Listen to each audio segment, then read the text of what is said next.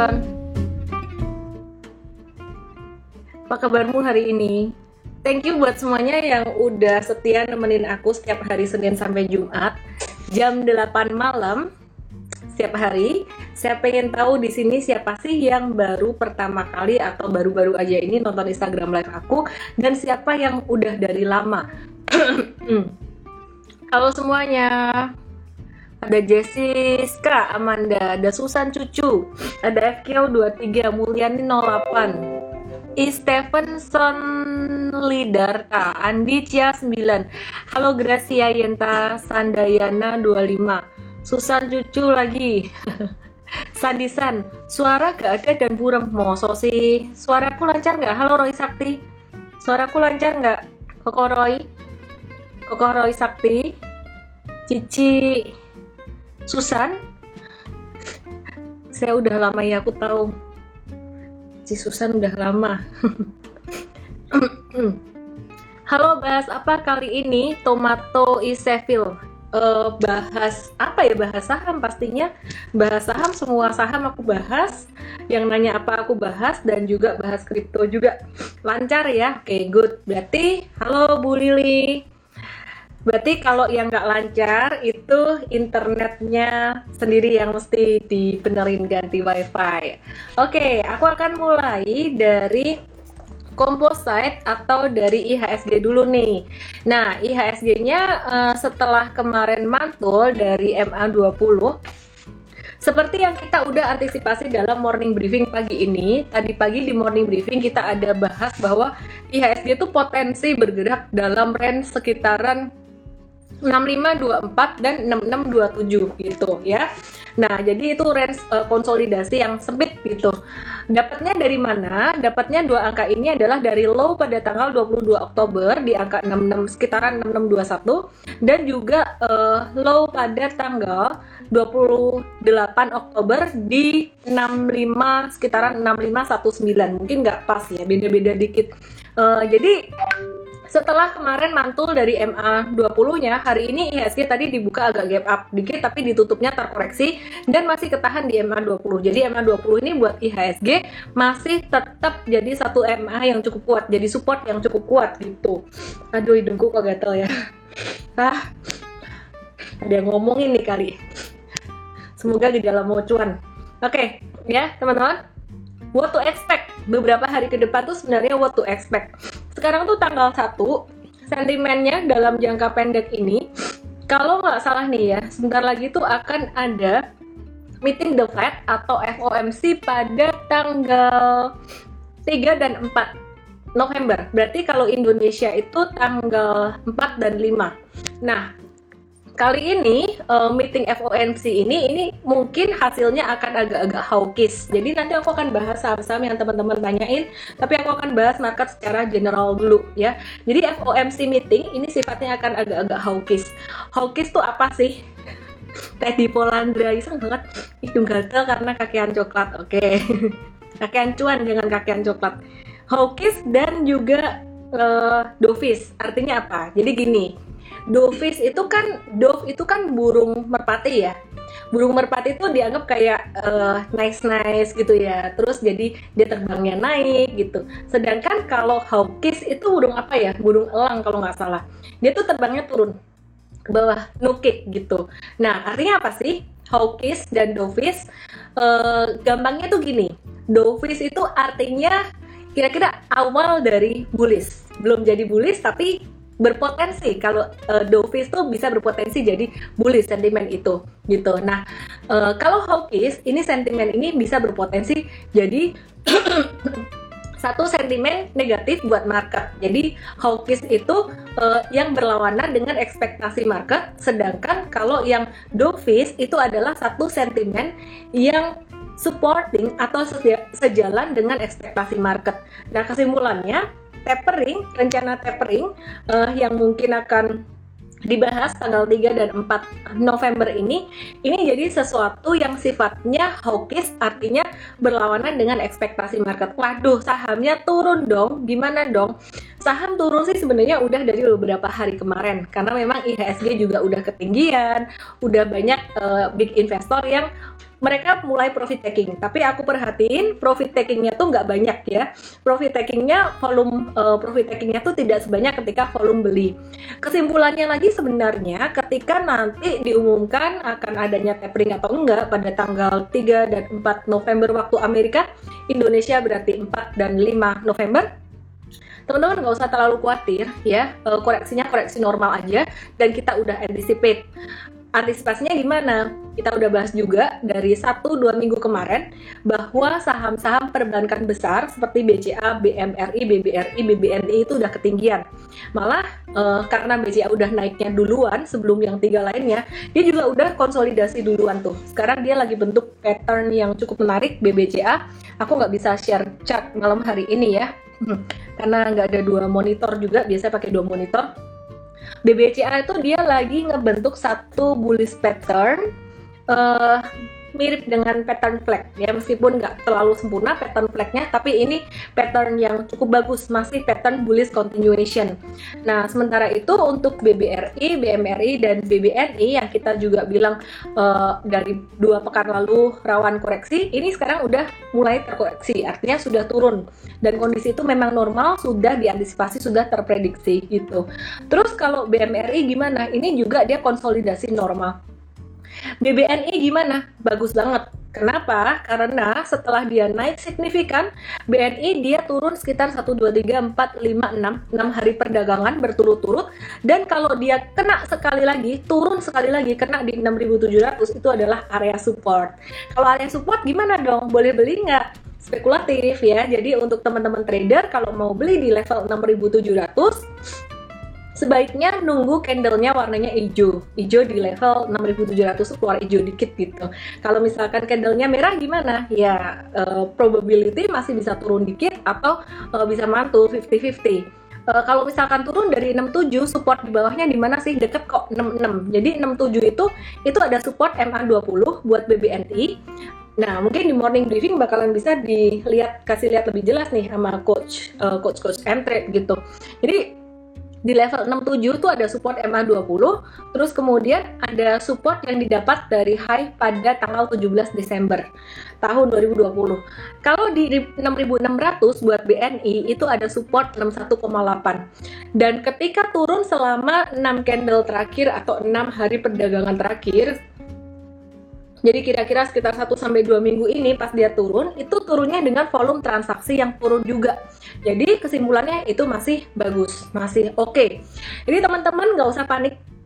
Misalkan ada yang bilang, waduh, aku dulu belum nonton Instagram live ini nih. Aku belum join M-Trade. Aku salah nih beli BBNI-nya di pucuk 7.450. Mungkin buat teman-teman yang udah join M-Trade atau yang udah nonton IG Live di sini Eh, nggak uh, beli di level itu kali ya. Tapi kalau yang belum nonton mungkin udah kebeli di level itu. Gimana dong? Sekarang kalau uh, di harga ini berarti yang beli di pucuk tuh rugi sekitaran 9%. Aku cut loss nggak ya? Telat. Kalau cut lossnya sekarang, misalkan kamu punya di model 7400 di atas, kamu cut loss sekarang itu telat. Kenapa? Karena udah deket dengan support. Kalau udah deket dengan support, dia bisa mantul. Harganya bisa mantul dan nanti kamu habis cut loss terus naik lagi. Nah, ini ini adalah jawaban buat teman-teman yang sering nanya, aku kalau habis cut loss kok naik ya gitu. Habis aku cut loss, uh, kenapa bisa naik? Mungkin salah satunya yang teman-teman mesti perhatikan adalah cut loss tuh jangan dekat support ya. Jadi cut loss tuh right after dia breakdown, right after dia turun gitu. Uh, jangan cut loss setelah berhari-hari dan dia mulai menyentuh dekat support gitu. Oke okay ya. Yang nanya saham batu bara ntar ya. Ntar satu-satu aku lagi pengen bahas perbankan dulu. Yang pertama karena menarik banget dan koreksinya untuk perbankan ini merupakan koreksi yang cukup normal dan cukup menarik. Selain perbankan besar, kita juga lagi nge-watch untuk perbankan second linernya. BBTN ini udah mantul tiga hari berturut-turut, masih akan ada koreksi normal, masih bisa turun normal.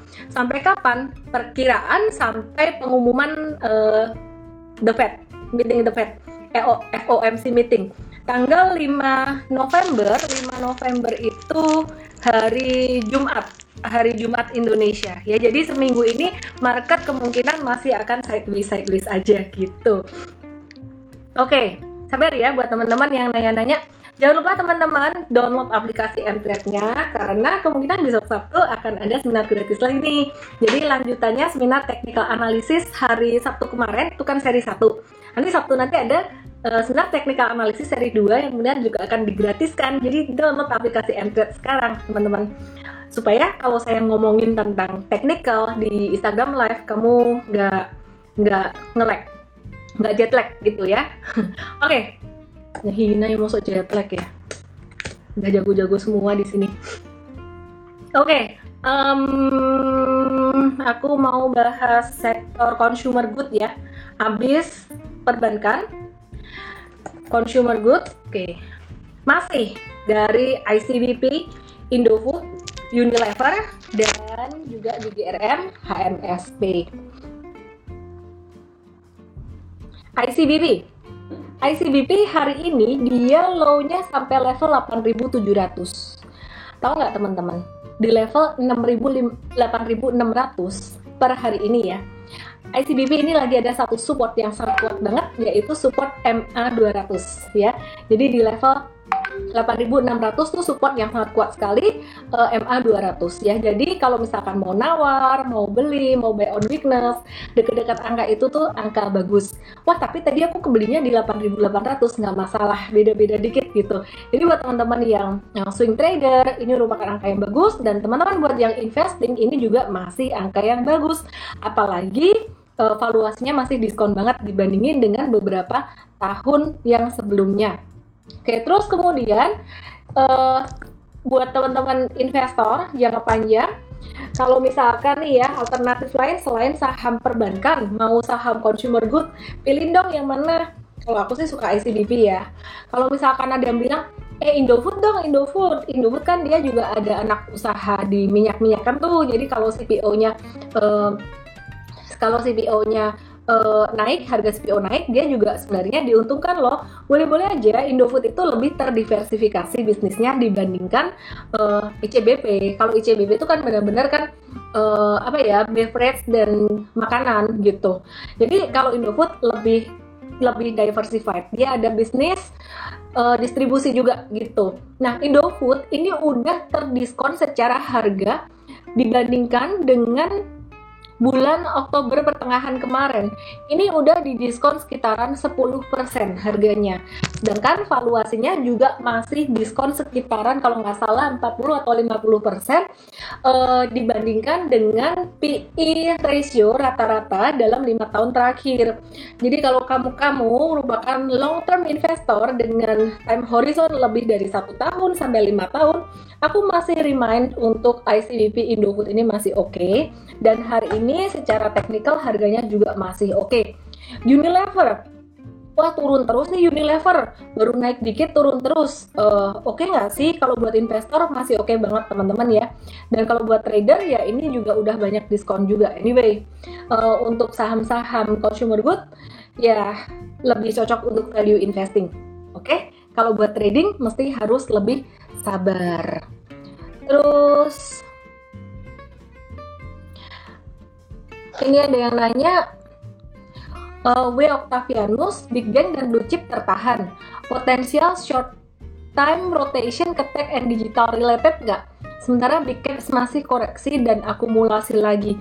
Sebenarnya kalau dibilang rotasi sektoral kecil tuh udah sih.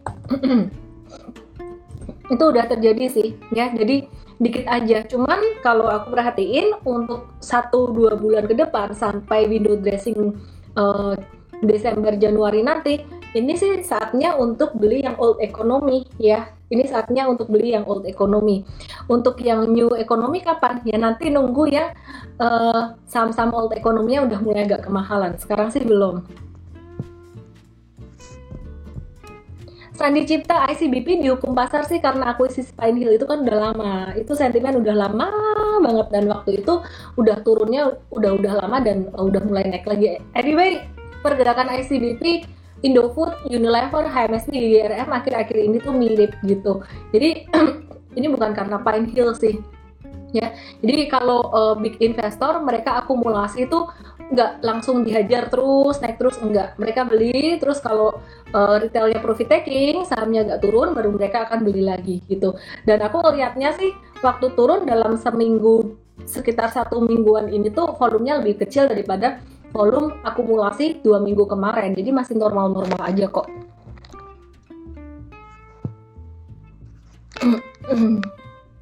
Remon.id Miss kenapa selalu rekomend ICBC ICBP sejak lama hehe pengen tahu aku bukan selalu rekomend ICBP enggak timingnya timingnya karena kalau buat investasi jangka panjang memang uh, untuk beberapa hari bahkan untuk satu bulan selama valuasinya masih murah itu masih bisa dimention itu masih bisa uh, kita watch. Beda halnya dengan uh, trading kalau trading kan kita ngomongnya kan gonta-ganti ya hari ini dan minggu depan itu bisa beda cerita gitu. Jadi bukan saya fanatik ICBP enggak.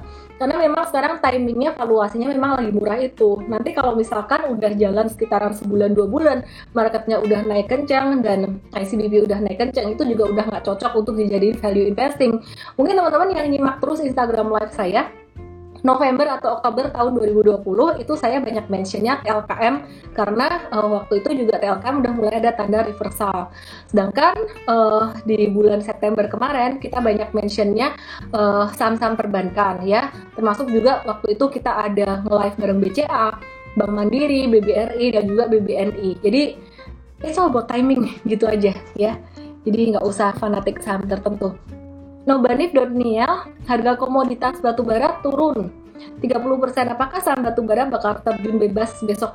Udah turun sih, batubara udah turun dari sekitaran pertengahan November eh, pertengahan, pertengahan Oktober kemarin udah turun, udah turun banyak gitu. Jadi saya rasa kalau misalkan turun atau koreksi lagi pun nggak akan jauh. Oke, aku mau balik ke data global dulu, data makro dan dari global dan juga dari nasional yaitu ada data PMI hari ini uh, rilis data PMI manufaktur Indonesia dan juga China ya. Jadi kalau data uh, eh, PMI China ini malah justru nggak bagus dia agak-agak turun gitu. Dari bulan sebelumnya di level 50 sekarang jadi 49,2 jadi kalau di level 50 ke atas itu artinya ekspansif sedangkan kalau di bawah 50 itu artinya kontraktif. Nah, kalau China ini dari 50 turun jadi 49,2, artinya perekonomian melambat. Nah, tapi yang menarik, Indonesia. Indonesia ini data PMI manufakturnya sempat anjlok di bulan Juli kemarin. Aduh Juli itu parah banget. Ya, jadi uh, Juni itu udah di atas 50, kemudian Juli itu dia Indonesia PMI manufaktur turun sampai ke angka 40 sekian. Karena COVID-19-nya parah banget di Indonesia dan eh, PPKM waktu itu ketat banget. Kemudian Agustus sudah mulai naik. Uh, September udah mulai di atas 50 dan yang menarik sekarang PMI manufaktur Indonesia itu di angka 57,2 keren kan? Sebelumnya September di angka 52,2 jadi naiknya banyak PMI manufaktur Indonesia. Terus kemudian inflasi nih. Angka inflasi Indonesia saat ini di angka 1,66 sebelumnya di angka 1,6 di September. Terus sebelumnya lagi di Agustus 1,59. Di Juli 1,52 dan di Juni itu rendah banget 1,33. Bagus nggak sih angka inflasi Indonesia ini? Kalau melihat perekonomian Indonesia yang sempat stagnan, sempat melambat karena PPKM, angka inflasi Indonesia di angka 1,66 ini sangat bagus sekali. Kenapa? Karena ini menunjukkan bahwa perekonomian sudah mulai bergerak. Mungkin ada yang bilang, wah inflasi nggak bagus dong, siapa kata? Ya kalau inflasi terlalu rendah bahkan jadi deflasi itu artinya perekonomian tidak bergerak. Tapi kalau inflasinya dalam batas yang wajar justru ini menunjukkan perekonomian bergerak. Kalau inflasi ketinggian itu juga nggak bagus. Oke. Jadi sebenarnya teman-teman kalau teman-teman nanya ke saya gimana sih nanti dampaknya tapering? Seandainya terjadi tapering dalam uh, waktu dekat mungkin tanggal 5 Indonesia tanggal 4 US tuh hasil FOMC meeting keluar tapering sifatnya ada uh, koreksi temporer aja jangka pendek. Kenapa? Karena uh, perekonomian Indonesia udah mulai membaik ya. Jadi all sektor kalau aku sih lebih fokus saat ini lebih ke old economy yang sekarang lagi diskon diskon diskon baik perbankan maupun consumer good dan juga sektor lainnya. Dendi Sucipta, Miss rekomend dong saham under value buat ditabung udah aku bahas tadi. Nanti kalau aku ulang-ulang dikira aku fanatik saham itu. Mungkin teman-teman bisa bantu jawab. Tadi aku udah bahas banyak. Kantona Kristal Lagu, nama-nama yang aku sebut dan aku baca uh, untuk aku jawab pertanyaannya, boleh DM saya dengan kode EMT7 nama email WhatsApp ya. hmm. Kantona Kristal Lagu. Kalau untuk swing trade lihatnya candle dari berapa lama ya? Uh, kalau aku lihat swing trade tuh dari candle harian, daily ya, uh, candle daily. Jadi mesti combine juga dengan support dan resistance uh, biasanya uh, candle daily hijau itu keluarnya di area support tapi bukan cuma itu aja mesti combine juga candle itu munculnya dalam trend sideways atau dalam trend yang gimana nih yang paling aku suka biasa setelah naik kemudian dia turun dikit Nah, dia kena support di sini. Jadi bentuknya tuh kayak uh, kayak bendera gini. Jadi naik, terus kemudian turun dikit, dia kena support. Yang aku nggak suka adalah kalau dia turun kena support tapi dari masa sideways dari masa sideways nah nanti aku akan jelasin contoh-contohnya di seminar analisis teknikal. Besok hari Sabtu gratis buat kamu-kamu semuanya.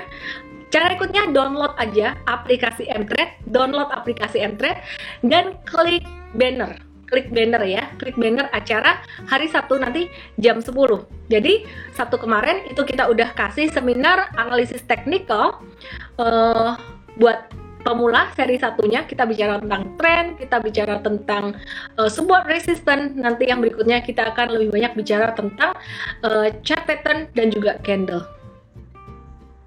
TLKM, banyak yang nanya TLKM.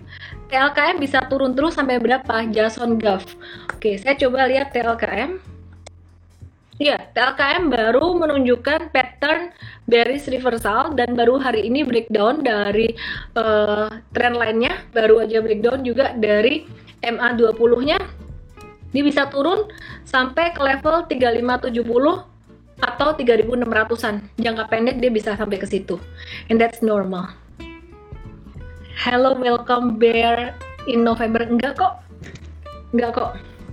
Ini bearnya cuma ngintip-ngintip doang ya jadi bantengnya lagi istirahat sebentar biarnya cuma manggung baby bear aja nih kecil-kecil aja jadi nggak usah takut uh, saya sih masih optimis akhir tahun nanti masih akan bullish lagi jadi kalau sekarang banyak yang turun-turun manfaatkan untuk beli terutama buat kamu-kamu yang belum punya portfolio uh, investing ya karena kesempatan investasi nggak datang tiap hari mungkin sekarang masih dikasih kesempatan satu bulan ini tapi kalau untuk tahun depan itu udah lain cerita.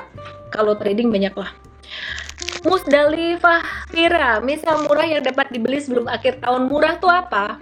Murah secara harga disupport terus mantul, kamu pengen cuan dalam beberapa hari, atau kamu mau simpen sampai setahun, dua tahun, tiga tahun ke depan kelebihan uang dan biarin aja di situ daripada duitnya di deposito. Maunya yang gimana?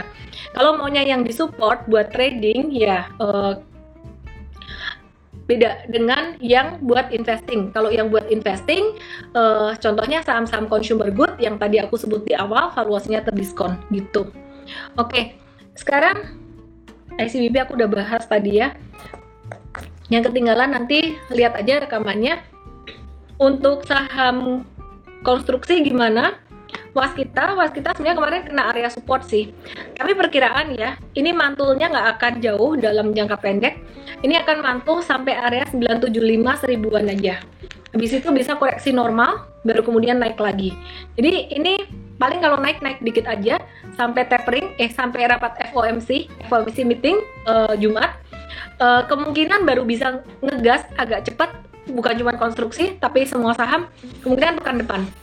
Ya jadi uh, setelah setelah FOMC meeting kita lihat dulu lah hasilnya gimana. Saya rasa sih FOMC meeting yang sifatnya hawkish ini udah mulai terdiskon oleh market. Jadi sudah terantisipasi. Market udah nggak terlalu khawatir nggak terlalu stres gitu GE 95 underscore Y kapan kau sebut diri ini Mistu aku sebut Baktiar.eka. Oh ya, ingetin disclaimer ya. Disclaimer ya, semua yang aku bahas di sini pakai analisis teknikal dan fundamental, tapi bukan berarti semuanya langsung naik dalam waktu dekat gitu ya. Oke.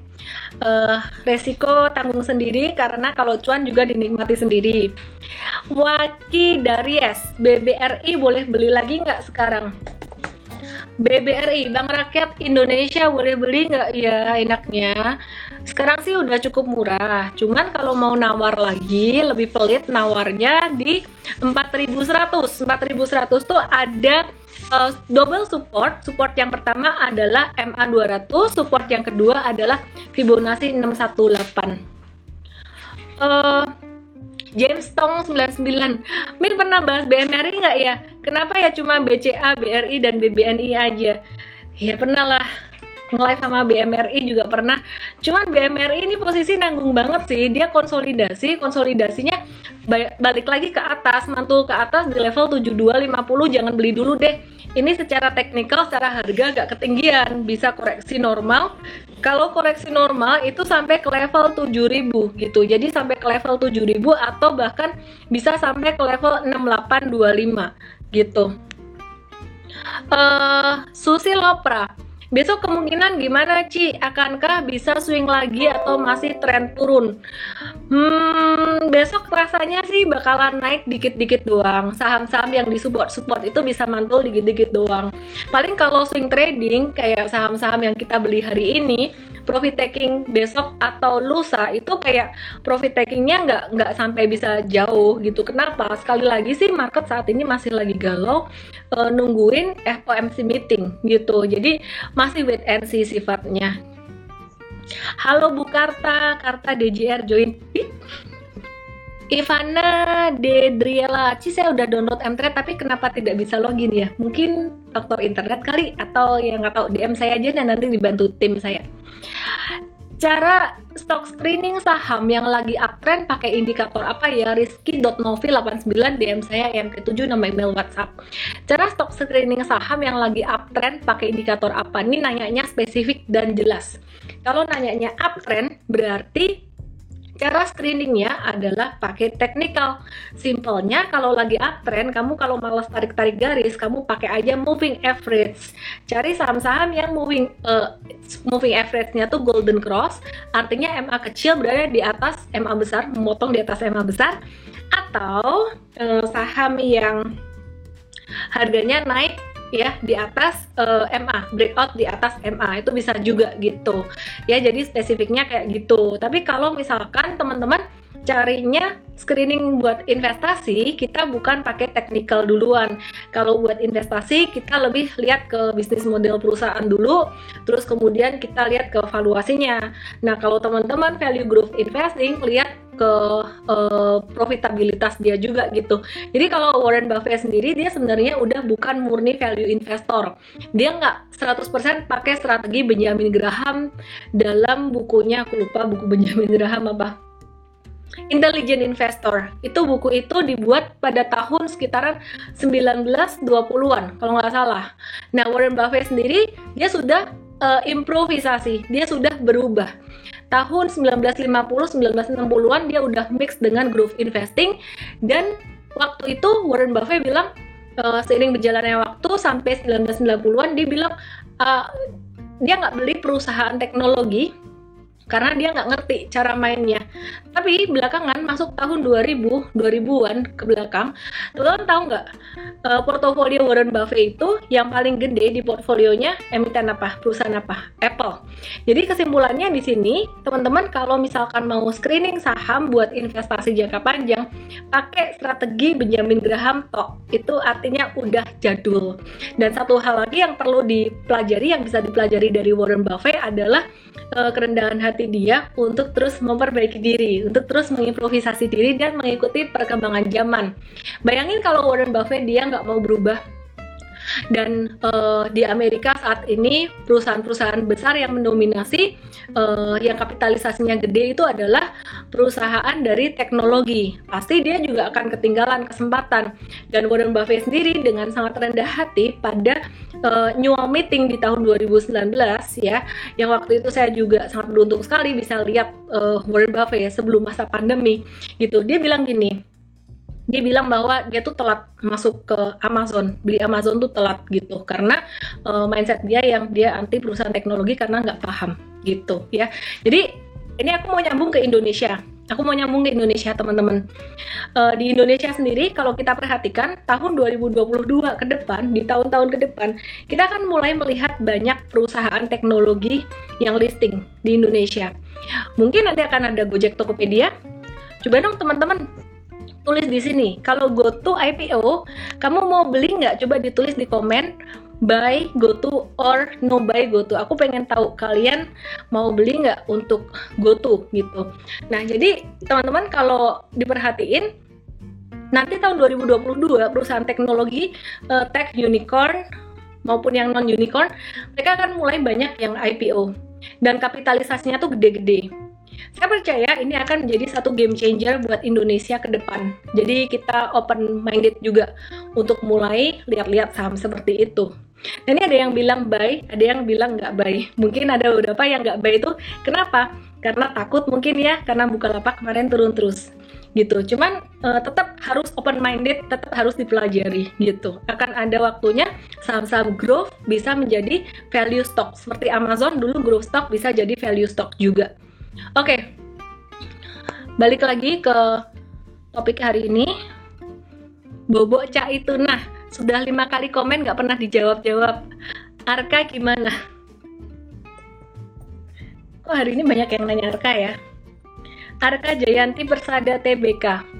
Volatilitasnya sangat tinggi sekali. Saya lihat likuiditinya juga nggak terlalu ini, nggak terlalu bagus sih, nggak terlalu gede ya dia baru aktif dari pertengahan September. Be very careful, resikonya sangat tinggi buat teman-teman trader ya. Aku nggak suggest untuk teman-teman ini. Bisa naik nggak? Ya bisa naik sih bisa-bisa aja, tapi jangan cuma mikir bisa naiknya. Bisa turun nggak? Dan kalau turun bisa keluar nggak gitu. Yang paling penting kan mau jualan bisa jualan nggak gitu. Yang paling bahaya sebenarnya bukan masalah saham turun. Yang paling bahaya adalah kalau kamu mau jualan saham tersebut dan nggak bisa jualan karena bitnya tipis, likuiditasnya tipis. Aku pernah ngerasain itu. Deg-degan. Kenapa? Deg-degan karena belinya kebanyakan. Nah itu salah juga gitu ya. Oke. Ricky Mil Harsya langsung aja DM saya MT7 nama info WhatsApp Miss bagus nggak kita invest jangka panjang di suatu perusahaan tapi hanya punya beberapa lot gak ada bener salah nggak ada benar salah. Yang penting kamu nyaman dengan uh, jumlah uang yang kamu masukin di situ. Nggak bikin kamu stres pas dia naik. Nggak bikin kamu terlalu euforia juga gitu. Tolong review Antam dong just, just Brima. Antam masih sideways sideways aja. Dia supportnya di 2240-an jadi kalau mau buy on weakness mungkin sebaiknya nunggu deket area itu kali ya. Crystal Sky 9 C untuk MA sebaiknya view yang daily, weekly atau monthly ya. Daily untuk trader, monthly untuk investor, weekly nanggung aku jarang lihat. Kalau untuk crypto aku pakainya uh, biasa H4 dan daily. Oke. Okay. Clothing gorgeous keras hari ini mantul ya. Oh ya, ini banyak laporan keuangan ya, banyak laporan keuangan emiten muncul dirilis aku mau update dikit mungkin selengkapnya akan dibahas di Mtrade sih. Nah ini banyak yang naik tinggi-tinggi itu perusahaan yang second liner malah bukan yang blue chip. Uh, eh, MPMX dia labanya naik 3000% lebih secara tahunan. Keras dia naik 309% lebih. Terus kemudian hmm, Toto naik 200%, TPIA naik 900%, Semen Indonesia malah labanya turun 10%, BNII turun 3,4%, jadi SMGR kita lihat juga secara teknikal udah naik beberapa hari terakhir ini, uh, agak hati-hati aja, hati-hati untuk profit taking jangka pendek gitu. Nah terus untuk SM, eh, SMGR udah ya, ASA labanya naik 80, sorry, uh, labanya naik 56%, uh, kemudian ya 56% labanya. Sedangkan untuk itu secara year on year ya. Sedangkan untuk Breeze dia naik 43% labanya year on year, Mayora turun 92% labanya secara year on year. Kemudian untuk uh, Pegas yang menarik nih ya Pegas dia itu labanya naik 437% secara year on year. Uh, kinerjanya ini didorong oleh kenaikan volume gas niaga 7,5% secara tahunan gitu. Jadi pangsa pasarnya bertambah. Uh, itu aja sih teman-teman. Besok selengkapnya untuk update laporan keuangan. Kita akan bahas di morning briefing besok dan juga pastinya di seminar Sabtu. Semoga semua yang aku bagiin buat teman-teman bermanfaat. Jangan lupa download aplikasi Mtrade dan kita ketemu besok hari Sabtu jam 10 belajar tentang analisis teknikal masih lanjutannya dari analisis teknikal hari Sabtu kemarin.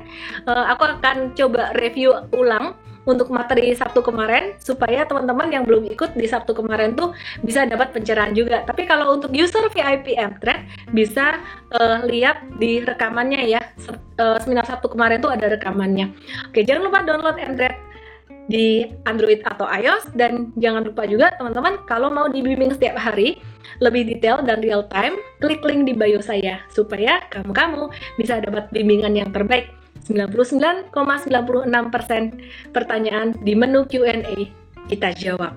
Semoga bisa membantu dan kita akan nemenin kamu-kamu semuanya dalam kondisi market apa pun. Mau bullish, bearish, hawkish, dovish, kita temenin kamu supaya kamu happy. Dadah!